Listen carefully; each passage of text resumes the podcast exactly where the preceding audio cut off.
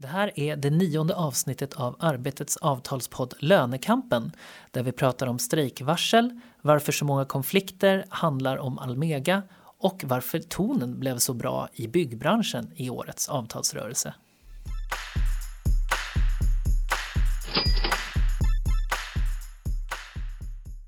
Hej och välkomna till Arbetets avtalspodd Lönekampen där vi nu är inne på det nionde avsnittet.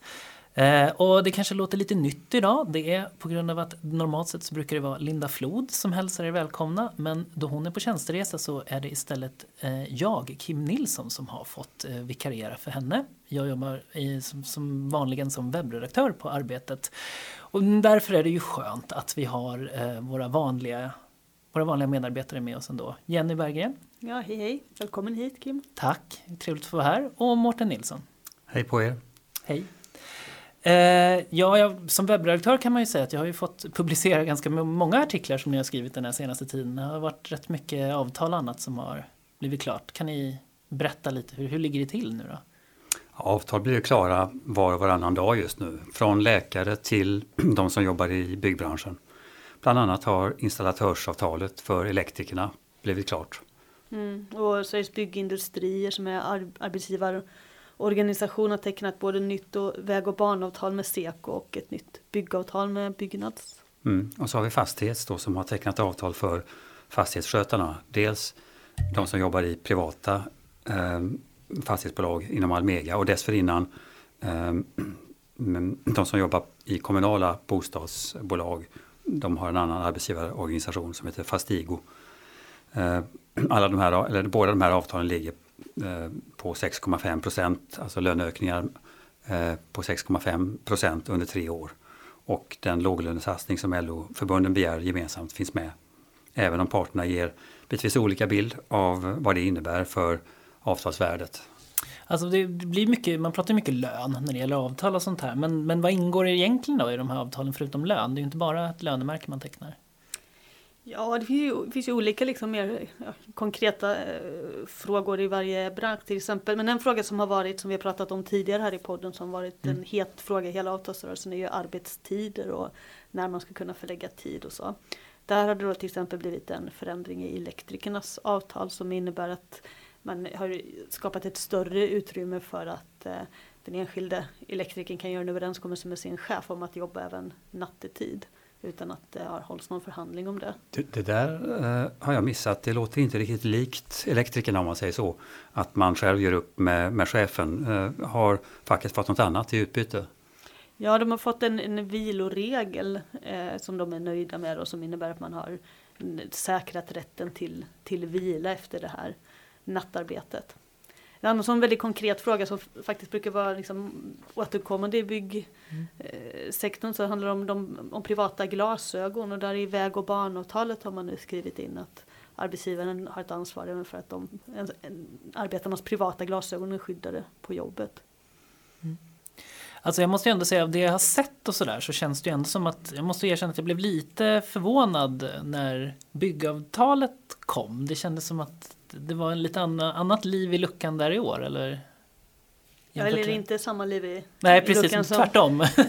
Nej men så är det jag, jag har jobbat på tidningen Byggnadsarbetaren i många år och bevakat just den, liksom byggsektorn nära och det här tonläget är ju eh, inte som det brukar riktigt. Senast förra året så var det ju mm. strejk på byggavtalet och tidigare år så har det också varit återkommande med åtminstone varsel om, om strejk och, och ett högt tonläge framförallt. Mm. Men så har det inte varit i år utan de började avtalsrörelsen med att äta tårta för kollektivavtalet mm. tillsammans och sen och var väldigt liksom tydliga med att de tänkte komma överens i år utan konflikt och eh, sen har det fortsatt eh, så. Så mm. det blev ett nytt byggavtal som är byggsektorns största avtal mm. nu eh, i förra veckan utan några konflikter. Men trodde ni då på det här att det verkligen skulle bli inte någon konflikt nu när de börjar med tårta eller fanns det ändå liksom, mm, ja, fanns det misstankar om varsel ändå eller? Hade jag fått gissa i förväg så skulle jag nog trott på varsel åtminstone. Men kanske inte strejk i år. Eh, det går så otroligt bra för byggbranschen. Eh, så att parterna och framförallt företagen har mycket att förlora på, på en konflikt. Alltså man, det, ska man säga, det, det eh, kändes verkligen från början som att de hade bestämt sig och att de också liksom båda hade behov av mer konkreta, eller vad ska man säga, konstruktiva mm. Eh, diskussioner om frågor som är viktiga för båda mm. parter och att de också har ett problem med att, som är gemensamt för arbetsgivare och fack med att det är så många som inte är bundna av kollektivavtal i, i branschen så att de hade liksom gemensamma frågor att ta itu med. Mm. Eh, sen finns det också svåra frågor som de inte är eniga om som är väldigt viktiga för båda sidor så det är svårt att veta men på slutet började jag nog tro att det inte skulle bli någon mm. konflikt för att det var så tyst från båda parter. De gick liksom inte ut och var högröster mot varandra utan mm. de, de fortsatte att samtala bakom stängda dörrar. Liksom. Ja, det låter ju nästan lite som att de har haft någon form av äktenskapsrådgivning eller vad man ska säga. Men eh, man undrar ju ändå lite, vad, vad kom de då överens om egentligen? Ja, men de har faktiskt löst också mer eller mindre i alla fall kommit liksom framåt med ett antal väldigt svåra frågor som de har hållit på att träta om länge. Det är komplicerat för de har så himla krångliga löneregler och mm. försöka liksom redogöra för så här. Men man kan säga att en sak som de har varit oense om länge är vad som ska liksom ses som lägsta lönen i byggavtalet. Mm. Och framförallt då när den här lägsta lönen ska tillämpas gentemot företag som inte själva har byggavtal. Det kan handla om vilken lön man kan kräva av eh, utländska arbetsgivare som behöver få veta vad som är lägsta lönen i byggbranschen när de skickar folk på jobb här eller vad som kan hävdas i offentliga upphandlingar och så. Där har man nu kommit överens om en nivå på 166,50 som ska gälla eh, mot företag som inte själva har mm. avtal. Eh, och en annan väldigt infekterad fråga har handlat om utländska arbetare. För det finns en regel i byggavtalet som säger att den som inte har yrkesbevis mm. ska tjäna 88 procent av full lön. Mm. Och då är det tillämpats mot utländska arbetare utan svenskt yrkesbevis och Byggnads har sagt att det, då slår regeln fel tycker de för de där är ju yrkesarbetare fast de har inte svenska yrkesbevis.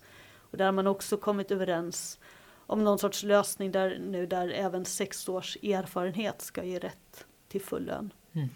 Så att de här också finns det väldigt, eh, eh, det som de gick på till strejk på förra året handlade om vilka löneformer man ska tillämpa. Mm. Ackordslön eller tidslön och så. Och där har man tillsatt en arbetsgrupp nu där man ska försöka mm. samtala om det här på ett annat mm. sätt. Så får vi se hur länge, hur länge det liksom, de lyckas göra det i det här mm. samtalsklimatet. Men tror du också att det kan vara fördel då att det kanske blev ett treårigt avtal nu så att de får liksom tid just att diskutera de här lite känsligare frågorna i en arbetsgrupp eller så? Jo men så kan det kanske vara, man får lite mer ja, utrymme för det. Mm.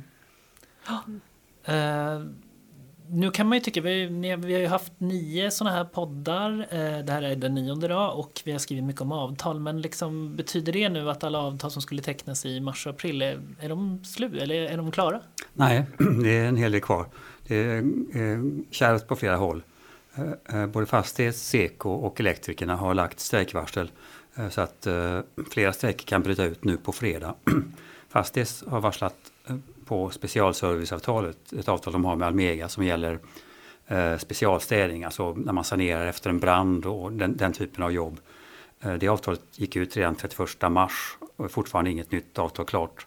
Seko har varslat om en ganska omfattande strejk inom spårtrafiken. Mm. Och så har vi elektrikerna som har varslat. där gäller det företagsavtal med, med sektoralarm. Mm. Och sen idag kom det ju ytterligare ett varsel då. Där, eh, nu ska vi se, det är Seko som har varslat på mm. järnvägsinfrastrukturavtalet. Visst var det så? Man kom precis där vi skulle in och... Lätt, lätt underhåll av eh, eh, räls och, och Järnvägsarbetare? Ja, just typ. Infranord är väl det största företaget där. Mm, det kan bryta ut nästa vecka. Mm. Mm. Och sen så kan vi tro, det, det, är inte otroligt att det snart kommer ännu fler varsel. Målarna tycks vara på gång eh, och varsla efter att deras förhandlingar har brutit samman med måleriföretagen. Mm. Och eh, Seko kan också tänkas varsla på ytterligare ett avtalsområde som är telekom där deras förhandlingar har brutit samman. Dessutom så, så finns det något som heter bemanningsavtalet som är ett mm. avtal som alla LO-förbunden har gemensamt med eh, bemanningsföretagen som är en del av Almega. Mm. Eh, de sa upp det avtalet i förra veckan för att eh, förhandlingarna hade kört fast och det, så det nu löper det ut här under mm. den här veckan och så får vi se om de hinner bli klara innan dess eller om det kanske blir gå vidare där också på något mm. sätt. Men du nämnde ju Almega där. Jag måste ju utan att lägga någon liksom, betoning i det så säger man att det är ett namn som förekommer väldigt ofta tycker jag i de här strejk liksom strejkvarsel och arbetsgivarsida som kärvar. Är det verkligen så? Jo men så, så är det ju i de här eh, strejkerna som är varslade till på fredag så är Almega arbetsgivarpart i, i alla tre. Mm. Eh, och eh, även be, eh, bemanningsavtalet och telekomavtalet är Almega. Hur är det med järnvägsinfrastrukturavtalet? Um, tänka nu. Um, mm, Kanske ska låta det vara osagt. Jag men de här andra i alla fall, bemanningsavtalet och telekom, det, det är Almega. Um, men målarna är måleriföretagen va? Det är måleriföretagen. Ja. Så det, det. Och de vars, visst varslade de om strejk förra året också? De strejkade förra året. Ja just det, de, mm. det, det, det gick så långt. Och dessutom ska jag säga så hade ju Fastighets också lagt ett varsel innan de tecknade. De hade lagt ett varsel om en strejk som skulle ha brutit ut idag ifall mm. de inte hade tecknat ett avtal i sista stund mm. mot Almega. Men, men om man bara frågar liksom, hur kan det bli så här? Hur, hur, hur kommer de här konflikterna? Vad är liksom grundkonflikten i konflikten? Ja, alltså det är lite olika orsaker. Eh, det skiljer lite mellan avtalen. Men eh, en sak som är gemensam är att Almega gör starkt motstånd mot den här låglönesatsningen som eh, LO-förbunden driver. Facken menar att, att de ska ha, eller att industrin som har satt de normerande avtalen har fått löneökningar på 6,5 procent under tre år plus en låglönesatsning, alltså lite extra löneökning i företag och eh, branscher där det finns folk som tjänar under 24 000 i månaden. Eh, Almega säger att eh, 6,5 procent är en absolut gräns. Eh, ska man ha någon låglönesatsning då får det betalas med eh, försämrade villkor på något annat håll. Det är väl, det är väl grundkonflikten. Sen så har ju Almega en väldigt eh, ideologisk hållning. Jag intervjuade deras VD i januari, Anna-Karin mm. Hatt. Tidigare minister. Också. Just det. Mm. Och hon sa att vi, vi, vi vill ha moderna avtal för våra företag och är beredda att, att ta strid för det. Um, ja, det, är en slags uh, um, en ambition att uh, göra avtalen, uh, ska, som de säger, mer attraktiva. Och det är, i Almegas språkbruk betyder det snarast mindre förpliktigande, mm. mindre krävande för företagen. Mm. Men det har ju ändå tecknats flera stora avtal tidigare. Jag tänker liksom med men industriavtalet, handels och liksom kommunal. För all, liksom så här, hur, hur såg man på den här låglönesatsningen där då? Alltså även HRF varslade ju mm. eh, om mm. strejk gentemot Visita med, med samma eh, frågeställning i botten. Liksom. Um, så det har ju varit en röd tråd och de presenterar lite olika hur Eh, så arbetsgivarsidan och facket i, på flera avtalsområden har en olika bild av vad deras tecknade avtal egentligen innebär. Ifall det är så att låglönesatsningen har kommit ovanpå mm. de 6,5 procenten. Vilket till exempel då Handels och HRF menar att det har gjort. Eh, eller om det faktiskt går, ändå blir ett totalvärde på 6,5 för att man har bytt med andra mm. värden i avtalet som arbetsgivarsidan säger. Och så var det väl också Mårten det här fastighetsavtalet som tecknades nu efter varslet. Vad var det det har du någon klar bild av vad de har sagt om? Ja, eh, det är svårt att få en perfekt bild av hur mycket avtalet är värt. Alltså, eh, det, lönerna höjs med jag tror det är 1780 kronor totalt under tre år. För att veta om det där ryms inom gränsen 6,5 procent. Alltså, förlåt, nu, nu backar jag. Låglönesatsningen finns med, men eh, har, har den då rymts inom 6,5 eh, procents ramen. Det är svårt att säga det eftersom vi inte får veta var snittlönerna ligger. Mm. Alltså Almega eh, har inte svarat alls när jag har ställt den frågan. Fastighets har svårt därför att statistiken har inte funkat riktigt bra i år. Men vi vet så mycket som att det är få i de där branscherna som tjänar under 24 000 mm. i månaden. Det vill säga låglönesatsningen betyder i praktiken väldigt lite. Den, jag tror att i de kommunala bostadsbolagen så skulle fastighetsskötarnas löner öka med totalt 10 kronor extra i månaden under den här treårsperioden med låglönesatsning jämfört med om man inte har en låglönesatsning. I de privata bostads, bostadsbolagen så var det snarast ännu eh, färre som tjänar under 24 000. Då har satsningen ännu mindre betydelse. Så att jag tycker det är en bra bild av vad konflikten har handlat om ett tag nu. För 3 kronor extra per år under den här avtalsperioden höll det på att bli strejk eh, idag. Uh, tänk bara det att, uh, att facket skulle gå ut i strejk för tre kronor extra. Tänk sen att arbetsgivarna säger nej och svarar med lockout. Mm. Det vis siffrorna visar att det är mycket en principstrid. Mm. Det är det absolut. Samtidigt finns det väl en, en del i det till som också är ett svar på det som du frågade innan Kim, varför det blir eh, gång på gång med Almega och det att de har många avtal att teckna och eh, mm. även om det inte gör så många kronor här då så kan de ha andra avtal längre fram på städ mm. till exempel där det får i alla fall lite mer ekonomisk betydelse även om det är en ganska sparsam mm. låglönesatsning hur som helst. Eh, och eh, jag pratade med eh, Stefan Koskinen som är förbundsdirektör på Almega förra veckan och han menade då på att om man skulle släppa igenom den här principen att det kommer ovanpå då de avtal från ett nöjesfältsavtal han pratade om där det skulle bli 8,1 procent i totalt avtalsvärde om man tillät låglönesatsningen att liksom komma mm. ovanpå 6,5. Mm. Och då menar han på att då har vi ingen märkessättning utifrån industrin längre utan då sitter vi i nästa avtalsrörelse i en situation där vi har tecknat avtal som ligger mellan 6,5 och 8,1. Mm. Och så det är deras eh, resonemang mm. från, från arbetsgivarsidan. Så att man kan säga att varför det liksom hettar till mer med vissa arbetsgivarorganisationer eller på vissa avtalsområden. Det handlar ju mm. om vilka som har avtal där det här faktiskt får någon effekt. Mm. Och det har ju varit då handeln och eh, HRF men också då eh, Almega-avtal mm. som kommer mm. senare. Liksom. Det mm. finns väl flera förklaringar. Mm. Ja, jag tror precis som Jenny, det, naturligtvis är det så att uh, Almega ser framåt och vet att uh, det kommer avtal för lågavlönade där mm. det här inte bara är en symbolfråga utan det blir en kostnad också. Mm. Antagligen tänker de, det är väl en god gissning att de tänker framåt även till kommande avtalsrörelser, alltså mm. förbi, eller bortom 2017. Eh, hittills eh, har arbetsgivarna ska säga, hållit strängt på att eh, det där märket som industrins parter sätter, det är en siffra, en, en procentsats som inte får överskridas och varje eh, förbättring eh, därutöver ska motsvaras av en besparing eh, mm. någon annanstans, alltså en försämring av andra villkor mm. än lönen. Jo men så tror jag också att den stora saken är ändå principen för båda parter. Att mm. Jag vet när jag intervjuade eh, LOs avtalssekreterare i höstas så, så pratade han just om att det här är ett sätt att, för då ställde jag frågor runt att det var mm.